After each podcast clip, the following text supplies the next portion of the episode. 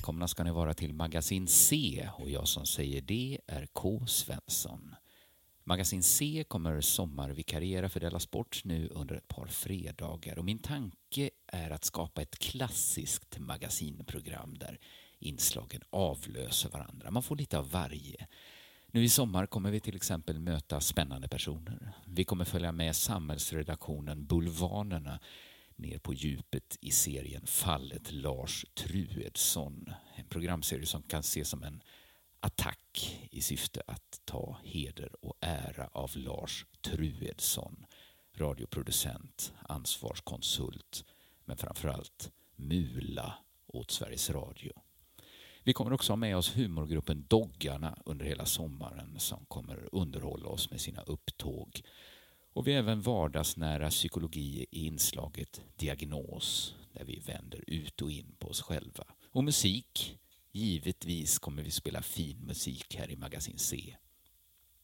Vignetten ni hörde tidigare är förresten gjord av bandet Guitar.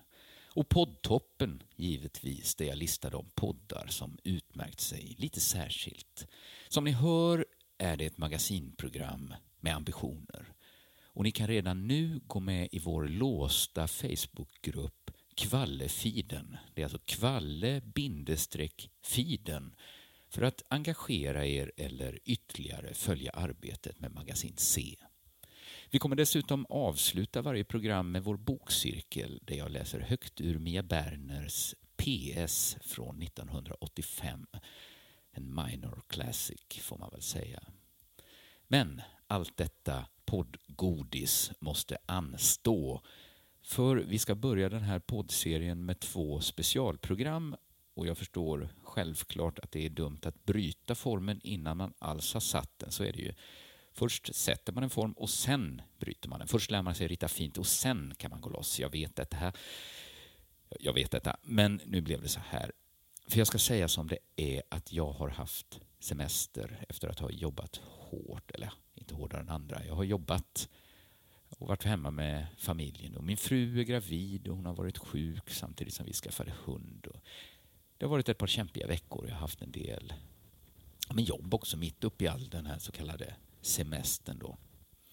Eller jag ska säga att det var verkligen en härlig semester de här dagarna. Kanske en av mitt livs bästa semester, får jag nog säga. Jag tycker vi var på Gotland och jag tycker mycket om Gotland. Jag hade lite samma känsla som vi var, vi var på Korsika förra året. Och det är faktiskt på Korsika mellan Frankrike och Italien i Genuabukten. Så man kan säga att de här två specialprogrammen börjar. Jag och min familj hade varit i Nice tillsammans med Chippen och hans familj.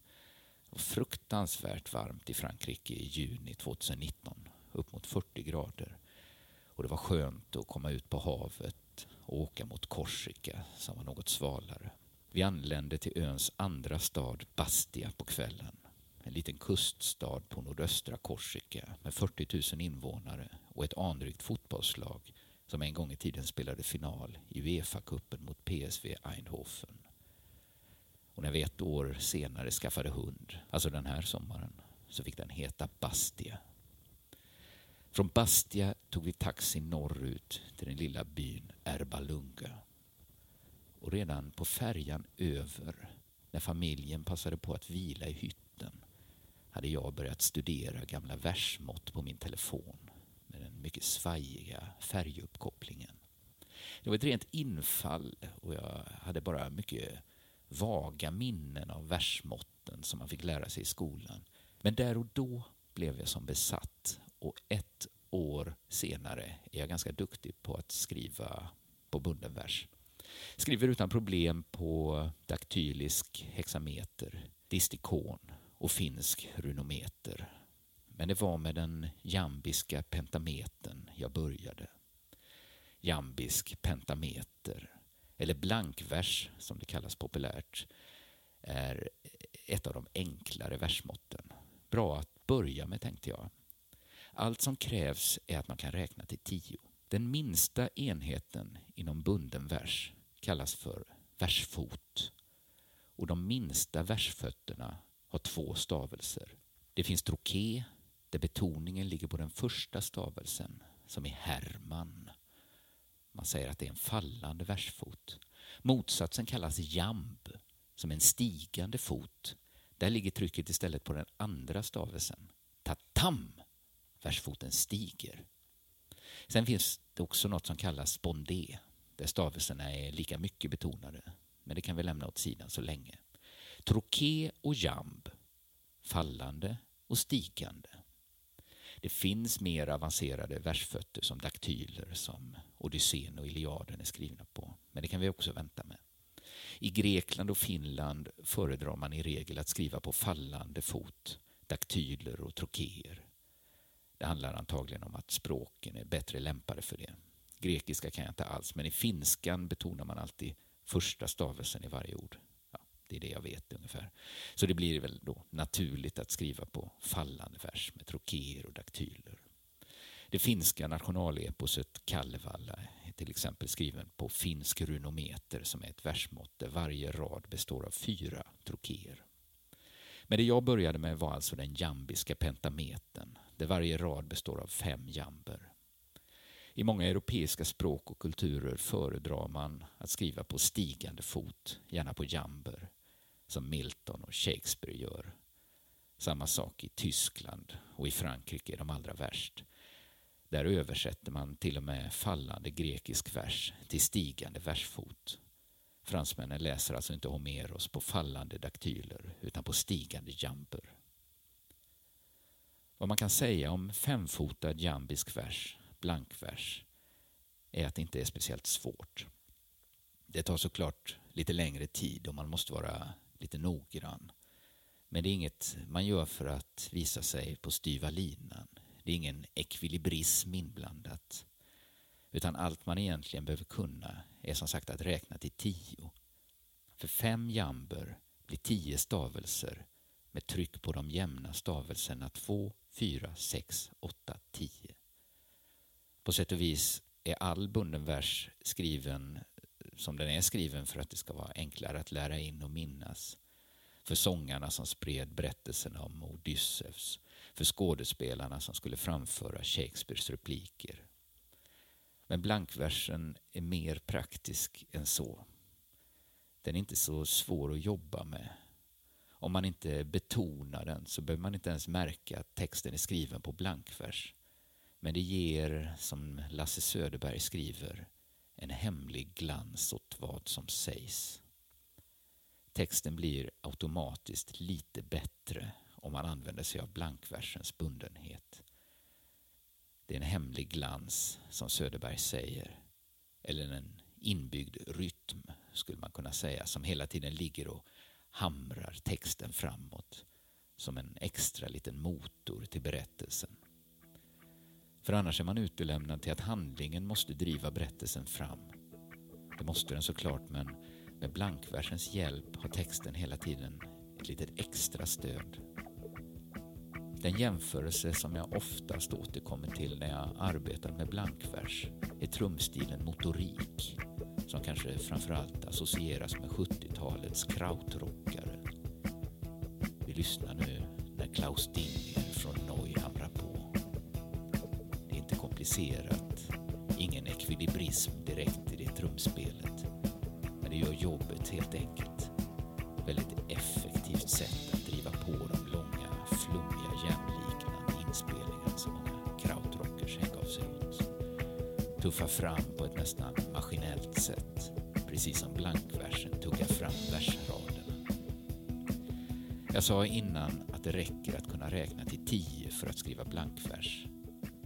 Men tar man den mest berömda av alla femfotade rader, Hamlets fråga, som jag nu ska betona lite extra så att ni känner av jamberna. To be or not to be, that is the question. Och nu när jag läste så överdrivet kände ni kanske av de fem jamberna som den är uppbyggd av. Men räknar man stavelserna, to be or not to be, that is the question, så får man elva. En jamb är två stavelser, fem jamber borde vara tio stavelser, eller hur? Och så tittar vi på den svenska översättningen att vara eller icke vara, Det är frågan. Det är ju tretton stavelser. Hur kan då detta komma sig? I fallet med den svenska översättningen inser man snabbt att det bara är fel. Jättefel. Men det blev fel en gång och ingen har brytt sig om att rätta till det och nu så har alla fått lära sig att det är den här trettonstaviga raden då som gäller. Att den har blivit den rätta trots att den inte stämmer med versmåttet. Till och med mästeröversättaren Sture Pyk som nyöversatte Hamlet 2003 valde att behålla den klassiska svenska felöversättningen av just det skälet. För oss svenskar är det helt enkelt så Hamlet frågar. Men med Shakespeares originaltext är det annorlunda. För Shakespeare är en av de allra styvaste på blankvers som någonsin levat. Självklart har inte han gjort något fel. Utan det finns en liten regel som säger att om en rad avslutar en mening kan man kosta på sig att slänga in en extra stavelse utan att det stör. Det är helt enkelt inte supernoga med blankvers. Det ska vara en hjälp, inte en svårighet. Men jag fäste mig vid Shakespeares elvastaviga rad. Så jag konstruerade en egen liten version av blankversen som jag kallar kvadrin. Det är fyra rader med fem jamber i varje, precis som vanlig blankvers. Men i rad ett och tre har jag lagt dit en extra stavelse så att det växlar mellan tiostavig och elvastavig pentameter för att få in lite mer variation, lite mer studs i rytmen. Jag hade under våren 2019 givit ut mina böcker Sinfonia 1-3 som en roman uppdelat på nio böcker i tre volymer.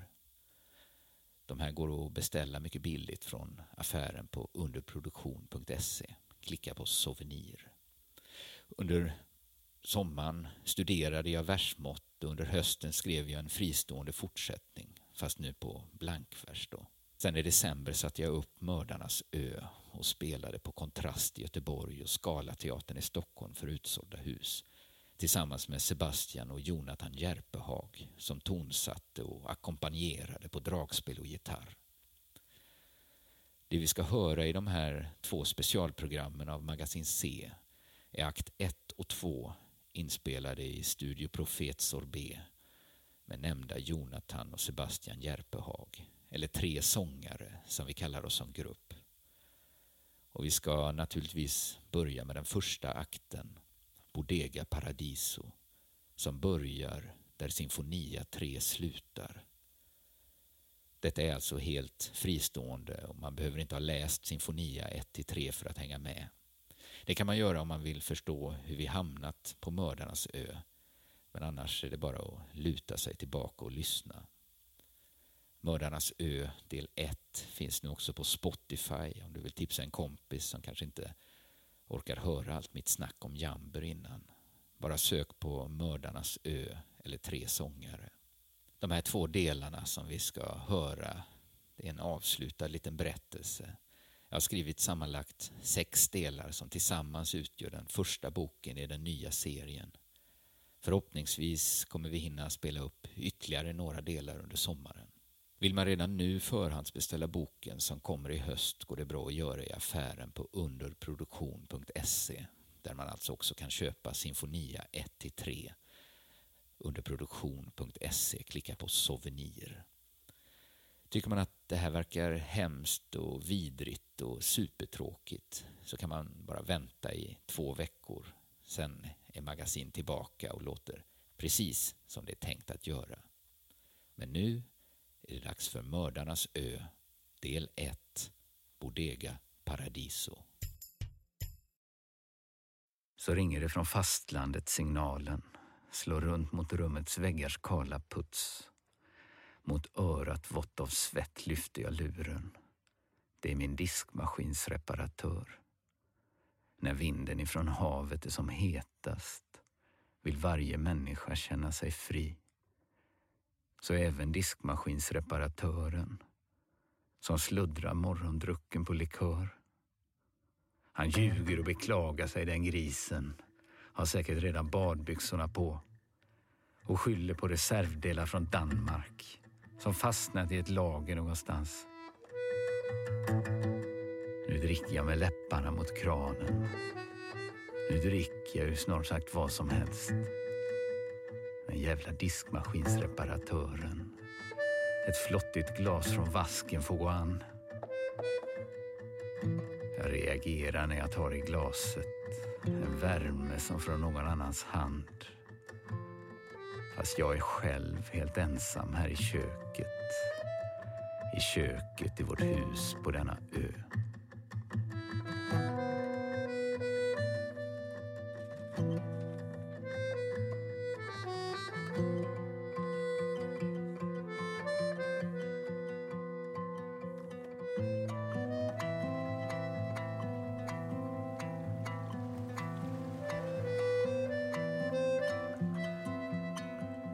Jag anlände med kvällens sista färja ihop med Anna, barnen och vår katt.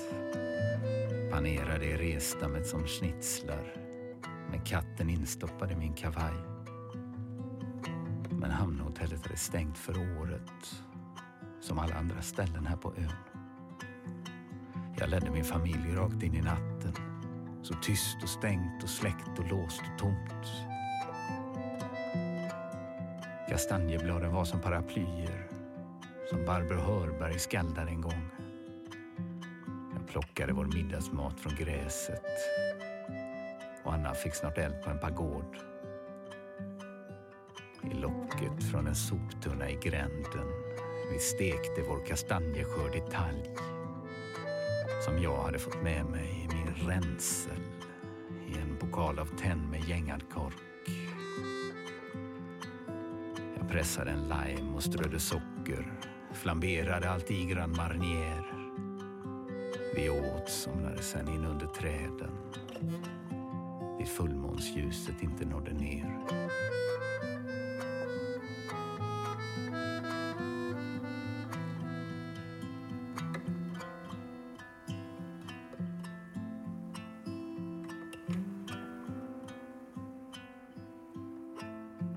Söker mig till barerna i hamnen.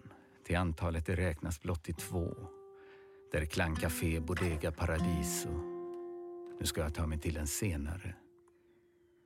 Vid bardisken i bambu på bodegan står mördaren, vår Handy Edelman. Han dricker och bekänner till Calypso de synder som har fört honom till oss. Det började på morgonen, sa Handy. Jag läste i en bläckblåskatalog. Ni vet, jag är trumpetare i grunden. I Rafael Peraltas Swing Sextet. Så såg jag plötsligt flygelhorn till salu. Jag svarade direkt per telefon. Och riktigt nog fanns det ett horn att hämta på en adress på andra sidan stan. Jag for med bussen, gick på trottoarer som solen torkat likt en saltfiol. Ni vet de särskilt spröda små fioler som lagrats i en kista full med salt. Han öppnade i dörren till tamburen sekunden efter att jag knackat på.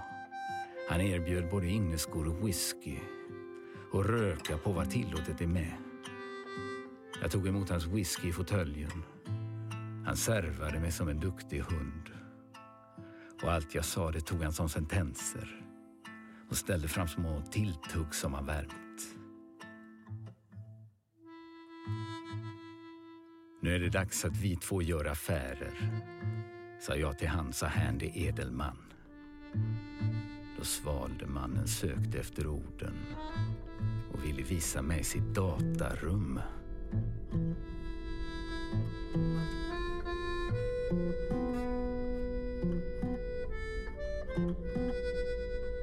Det var en liten skrubb full av maskiner. Jag hade aldrig sett en dator förr. Men inte var det whisky och datorer som lockat mig från andra sidan stan. Nu vill jag faktiskt se på instrumentet, sa jag till Hansa Handy Edelman. Då smet han ut, kom flinande tillbaka och erbjöd mig en skinka från Lausanne. Jag pressade upp mannen mot tapeten och vrålade Var är ditt flygelhorn? Han erkände då att han inget hade. Annonsen var ett bete som jag svalt. Det du gett mig idag är ovärderligt. sa mannen uppenbarligen pervers. Jag ströp honom med händerna i soffan. Med dessa två, sa Handy Edelman. Han höll upp sina händer för att visa sin framskridna elefantiasis som satt sig på hans händer och hans fötter och könet enligt Handy Edelman. Så stannar något utanför bodegan. Ett motorfordon av ett äldre snitt. När bilen råmar upp i ton och styrka förstår jag att det är poeten själv. Poeten Pissrottan som han har kallats har män och kvinnor noblare än jag. Han anländer i silverpil som brukligt för män av just hans sort på denna ö. Vårt liv på ön har formats av att bilar är bristvara som all teknologi. Ett litet undantag är silverpilen. Det finns nog drygt ett tjugotal på ön. Det står i våran ös historieskrivning. Som jämför man med fastlandet se kort. Där nämns en leverans av silverfeile. Cigarrformade urtidsdjur i plåt. Det skedde innan stora frihetskriget som fördes av befolkningen på ön. Den dag då fastlandstruppen återvände, den firar vi vart år här på vår ö. Men utropsrepubliken fick snart motstånd. Ett handelskrig bröt ut med fastlandet. Embargo på högst önskvärda produkter som bilar och datorer till vår ö. En enda leverans av fordon blev det då silverpilen kom hit till vår ö. Det är en mycket få förunnad skara att ha en körbar bil på denna ö.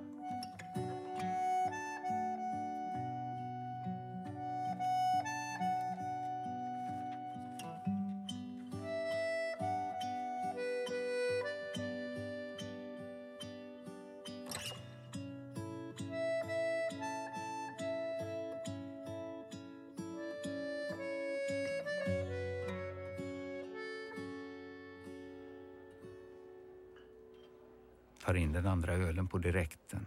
Får sällskap av bodegans huspoet. Han börjar bli till åren men han slår en sin handtrumma och läser poesi.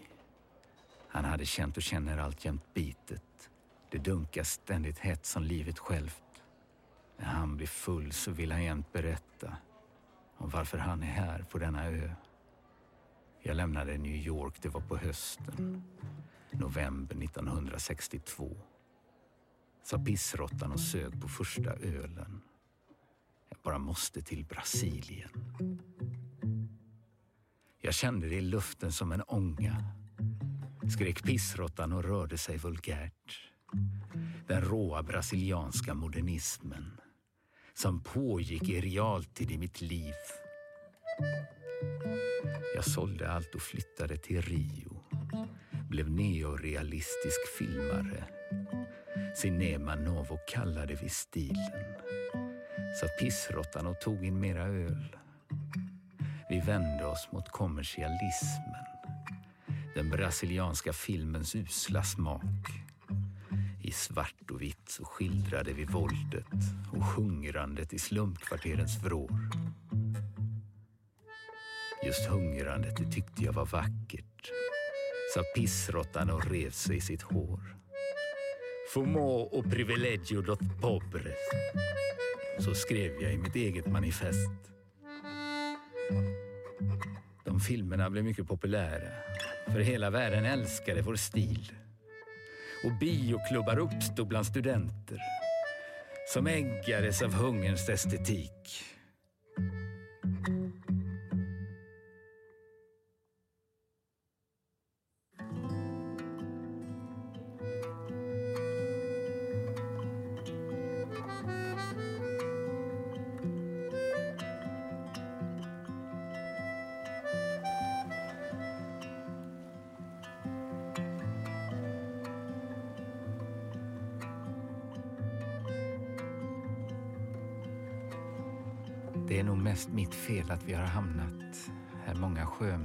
Från närmsta land. För Anna sköt en man jag kallat kompis. Så nog är det mitt fel att vi är här. Hon mördade min vän utan att blinka. Fanns inte någon tvekan när hon sköt. Förmodligen så är det ändå mitt fel att vi har hamnat här på denna ö.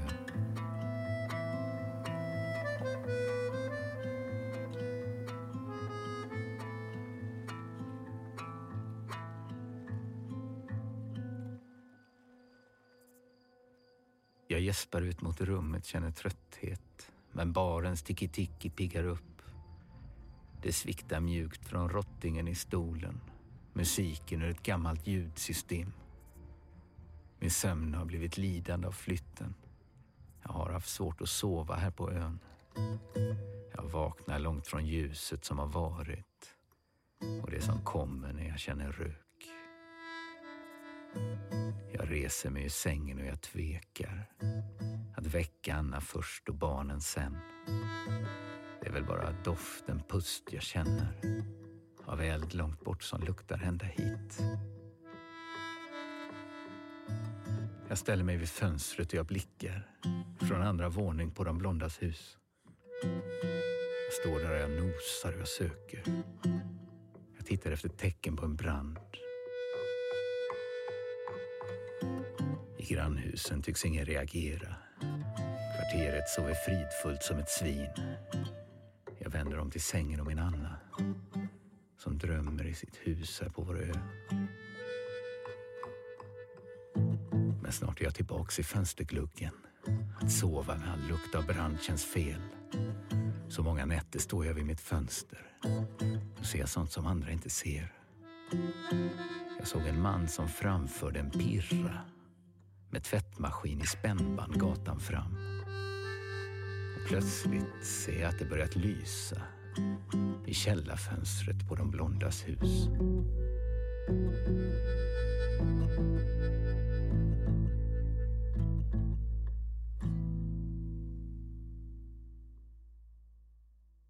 Jag lämnade Brasilien för Grekland, sa pissråttan som varit i Aten.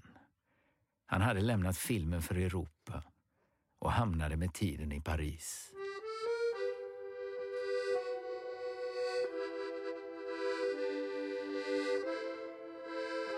Det var så märkligt, skrockade poeten.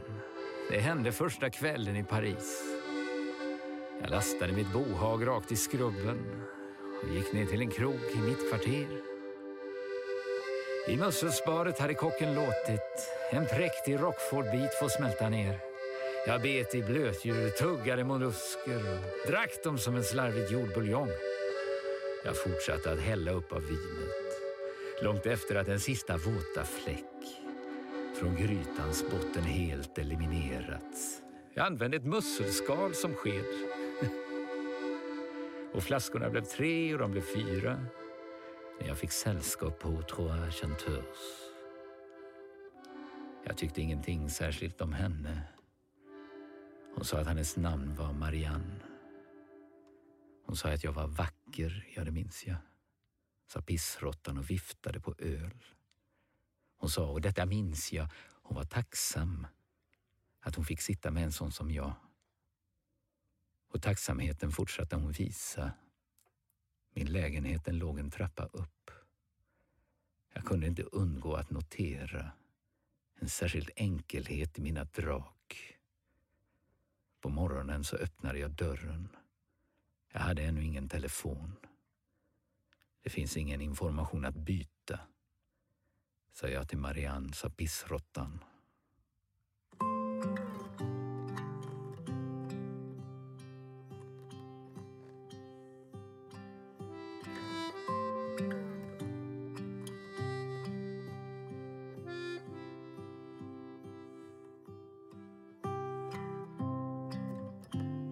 Sneglar upp mot klockan över baren.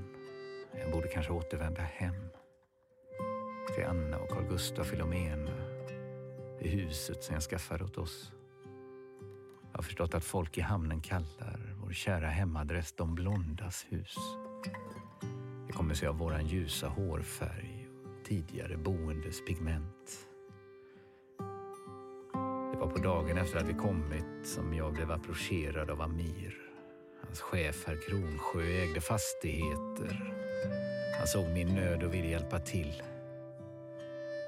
Det fanns en övervuxen tvåplansvilla där kättingkedjor låser grindarna och fikonträd som växer utan tuktan. Det surrar bin bland myrtenbuskarna. Jag accepterade hans bud på stället och samma dag så flyttade vi in. Vi bröt upp fönsterluckorna med verktyg bar upp nya tuber med gasol. Vi sopade och torkade i dagar. Det dammet var av svårfångad modell. Vi rev ner klisterremsorna kring fönstren och korsvädrade i de blondas hus. En hel del gamla möbler måste slängas och mattor med en fullgjord karriär och pappershögar som ska gås igenom och fågelbon som måste plockas ner. I hamnen på det gamla slakteriet försåg vi oss med grismärg i en spann. Och Anna rörde ut det där med krita som det finns rikligt av här på vår ö.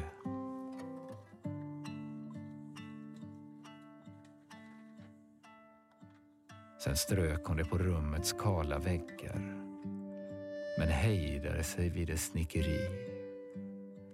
Till dessa gjorde hon en helt ny blandning av jord och olja, snäckor som hon rev.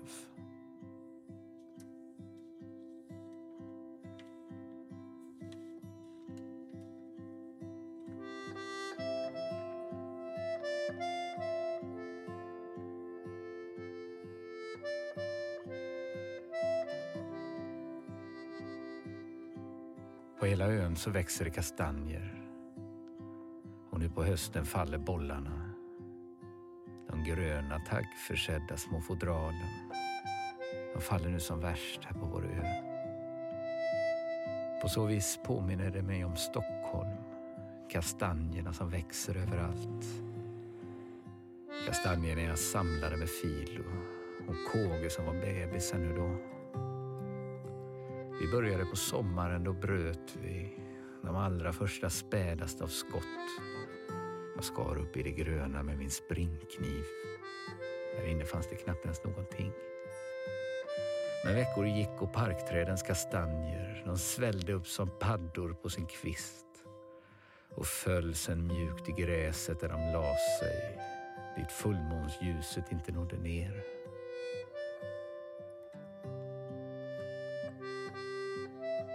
Vi skar upp även dessa och vi såg nu ett embryo, en förstudie till nöt.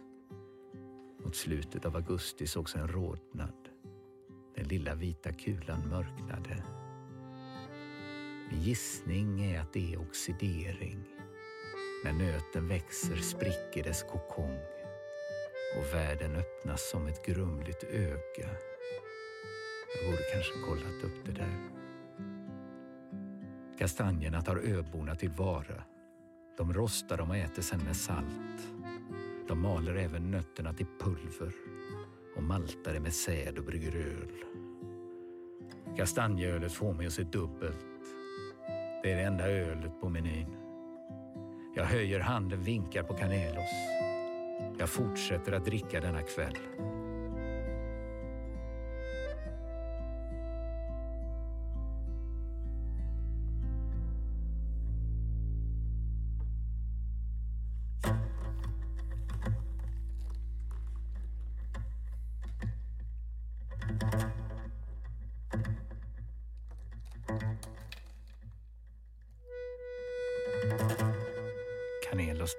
Kastanjeölen. Jag anförtror mitt liv i en minut och vräker mig och sliter efter bröstet av thaisidan i bartenderns kavaj. Jag drar honom emot mig och han lyssnar på oron som jag känner i mitt bröst. Jag talar om den allra första natten. Den första natten i de blondas hus. Jag skrubbade mig noga över kroppen sen håret som jag låtit växa långt. Jag borstade med omsorg mina tänder och tigersalva strök jag på mitt bröst. Jag knäppte upp min skjorta för att visa och Jean Canelos såg förundrad på. i linje med hans ljuvliga persona och hans intresse alltid genuint. Jag fattade då att här kan jag leva, sa jag och avsåg därmed denna ö. För Anna sköt en man jag kallat kompis. Så nog är det mitt fel att vi är här. Men fel är fel och skuld ska ju fördelas. Fast fakta gäller om något absolut. Och fakta är att jag aldrig har mördat. Den enda av mitt slag på denna ö. Den sista raden ställer jag som fråga och tittar på Canelos som ser bort. Jag vågar inte rakt ut ställa frågan som ryms i samma fråga som jag ställt.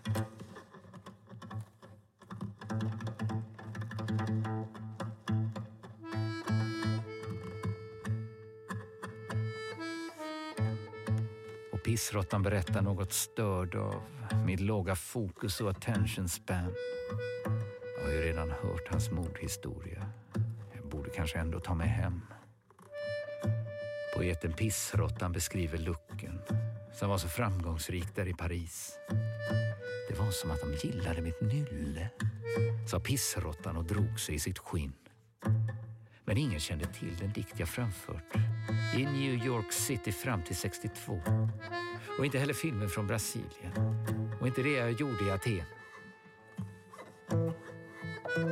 De kallade mig pissråttan den vackre och flera kvinnor hade jag på gång.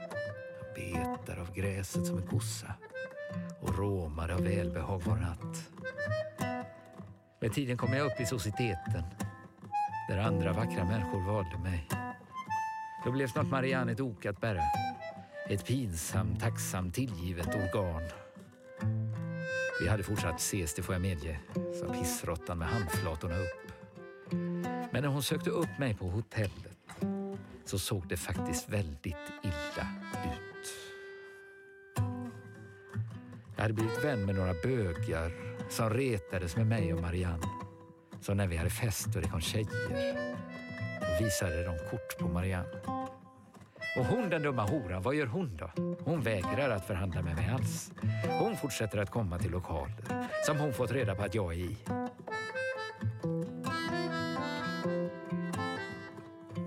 En kväll så slår hon fullständigt i botten. En kväll så kraschar Marianne totalt. En middag för ett bättre gammalt sällskap. Då kom hon full och föll över ett bord. Den dumma subban var inte ens bjuden, sa pissråttan och gick upp i falsett. Hon skrek om att hon älskade mig för evigt, att barnet som hon bar på det var mitt. Ja, det var lögn, det kan lätt konstateras. Det stod i obducentens protokoll. Men annars var hon väl som man förväntas när man varit i flodvatten ett tag. Jag slängde henne från en av de broar där stadens delar griper i varann. Paris har nio broar, det är välkänt. En niofingrad gripklo helt i sten.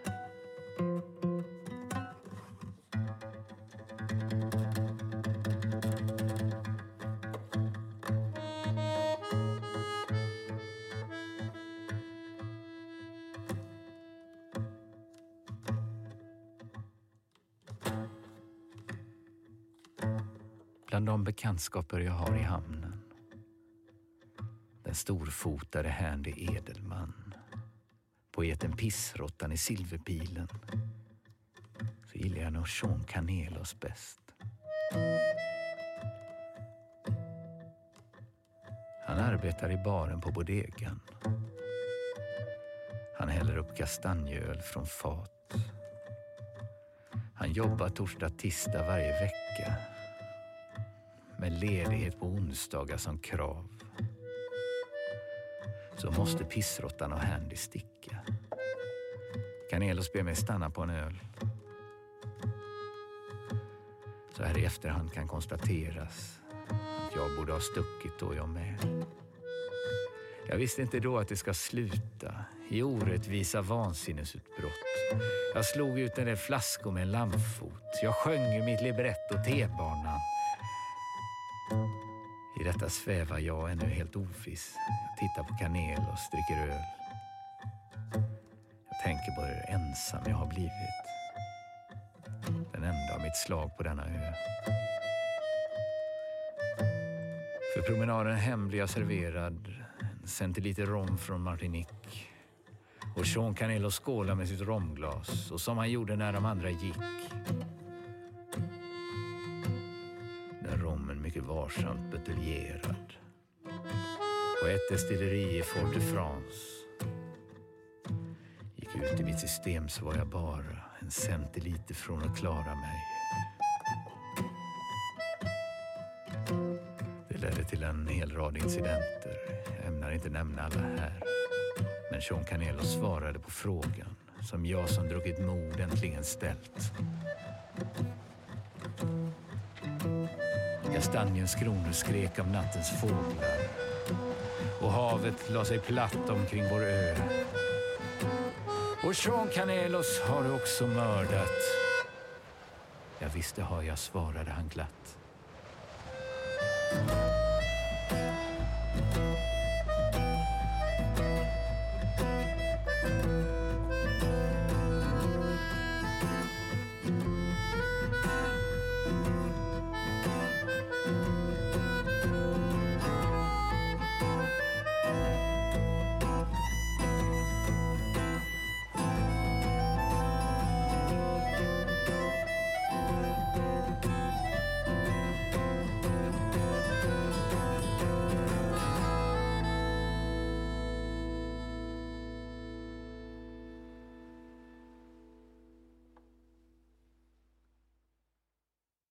Ja, det där var Mördarnas ö del 1, Bodega Paradiso. Nästa vecka är Magasin C tillbaks med ett andra specialavsnitt och då ska vi lyssna på del 2, Der Klangcafé. Tills dess kan ni gå med i Facebookgruppen Kvallefiden där ni kan engagera er och följa arbetet med Magasin C. Tipsa gärna era vänner om Mördarnas ö på Spotify med tre sångare. Det här har varit Magasin C och jag som säger det är K. Svensson.